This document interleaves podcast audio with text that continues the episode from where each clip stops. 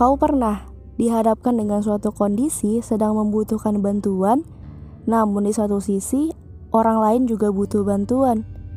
Bahkan bila dibandingkan dengan diri, mereka mungkin lebih membutuhkan. Hal apa yang akan duluan dilakukan? Apakah memilih urusan diri sendiri untuk terlebih dahulu diselesaikan, atau malah memilih meringankan beban mereka duluan? Maka di sini peran Itsar bekerja. Itsar mengajarkan kita untuk mendahulukan kepentingan orang lain daripada diri. Meskipun diri juga sedang dalam kesulitan dan membutuhkan bantuan, Itsar mengajarkan diri untuk menurunkan ego dalam setiap amal kebaikan.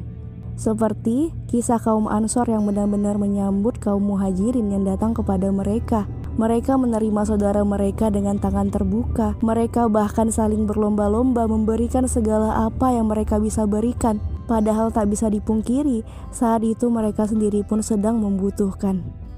Jadi, mulai sekarang jangan berpikir keras dan banyak alasan lagi ya untuk memudahkan urusan orang lain. Sebab memudahkan urusan orang lain merupakan suatu bentuk ikhtiar kita agar Allah mudahkan juga segala urusan kita. Bisa jadi, mudahnya segala urusan kita hari ini adalah berkat doa orang-orang yang pernah kita mudahkan urusannya.